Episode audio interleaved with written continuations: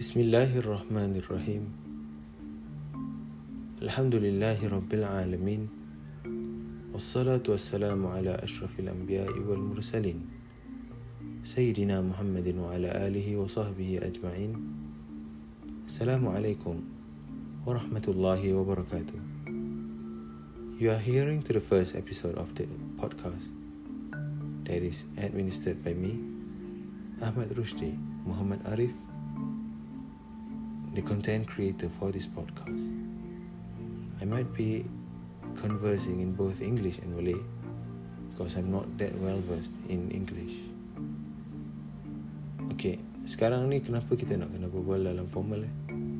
Okay, so sekarang the reason why I make this podcast is because I think I'm a man with full of thoughts in my brain and sometimes it kind of feel quite good to let go of um, some of my thoughts when I am monologuing some way uh, in in some way I'm I'm doing a monologue while recording this podcast, as well as uh, when you know. I've always think that when I I'm thinking alone, my brain would uh, process faster than when I'm around surrounded with people.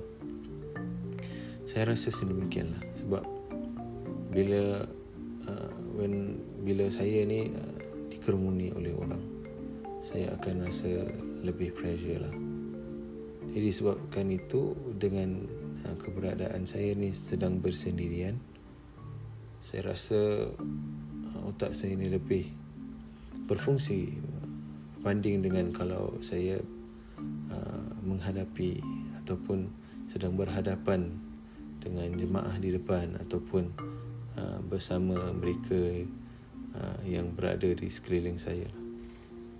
Jadi di sini saya akan berkongsikan apa yang ada di minda saya sekarang ni. Jadi mungkin ini boleh dijadikan sebagai diary hidup saya.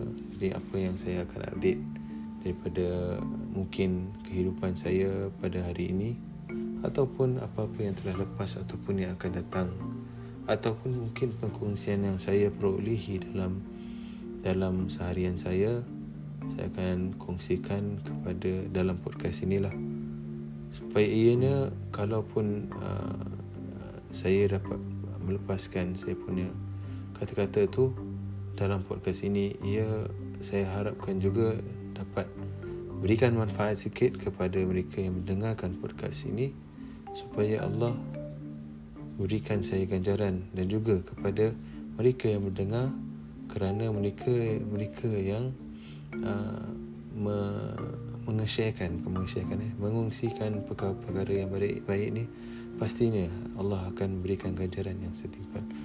Jadi pada hari ini uh, perkongsian saya adalah uh, satu perkara iaitu tentang COVID-19. Apa yang telah kita pelajari apa yang kita patut pelajari dan apa dalam masa yang akan datang ini apa yang patut kita pelajari daripada uh, adanya wabak COVID-19 ini.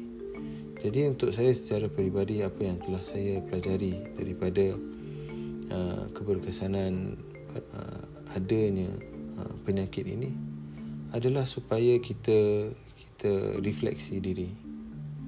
Dalam dalam norma kita kita biasanya kita hidup ni sibuk sangat dengan hidup ha, sampai kadang-kadang tu kita terlepas pandang daripada sudut agama kita mungkin ya.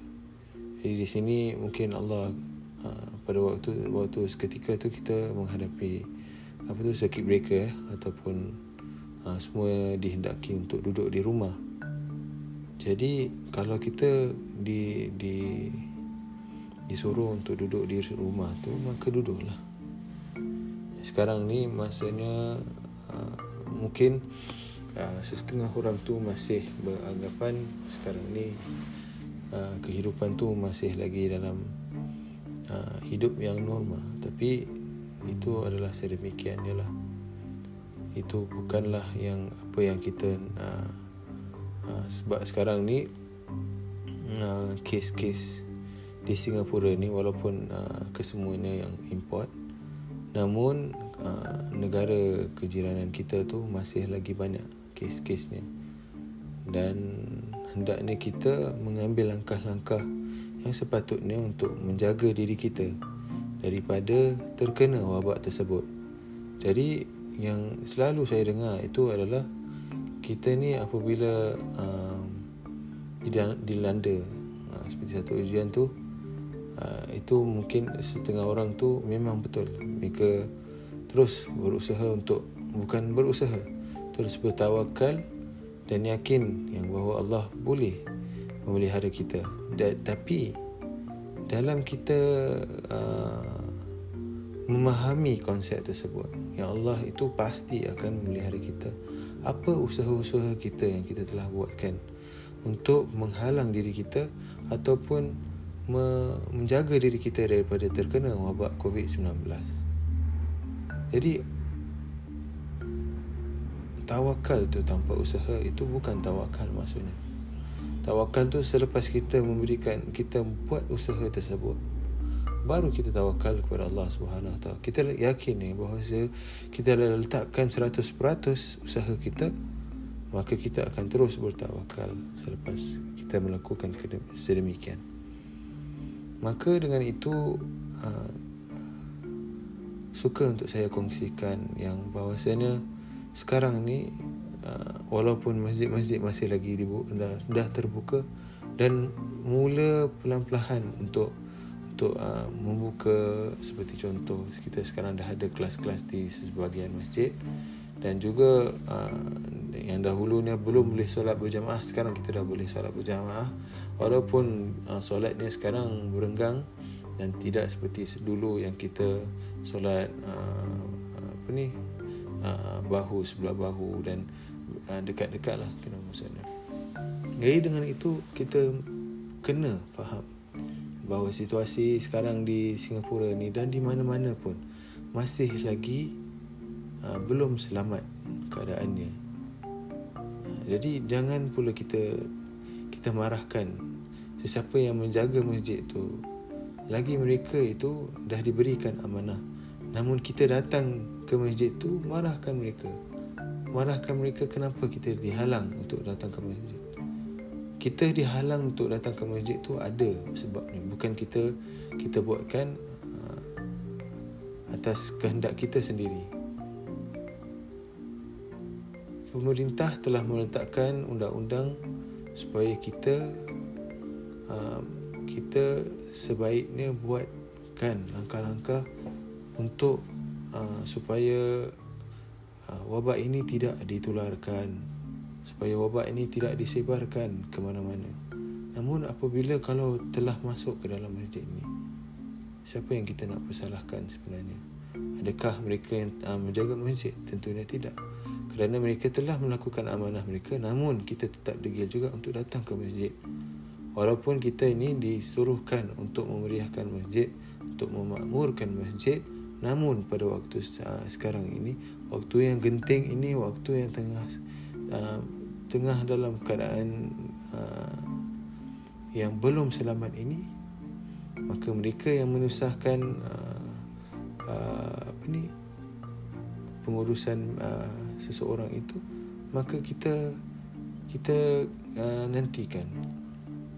Dan bahawasanya kalaupun kita sebagai manusia ni kita tak dapat membalas kita kita hanya mampu untuk berdoa supaya Allah akan membalaskannya uh, mengikut apa yang mereka telah lakukan kepada kita.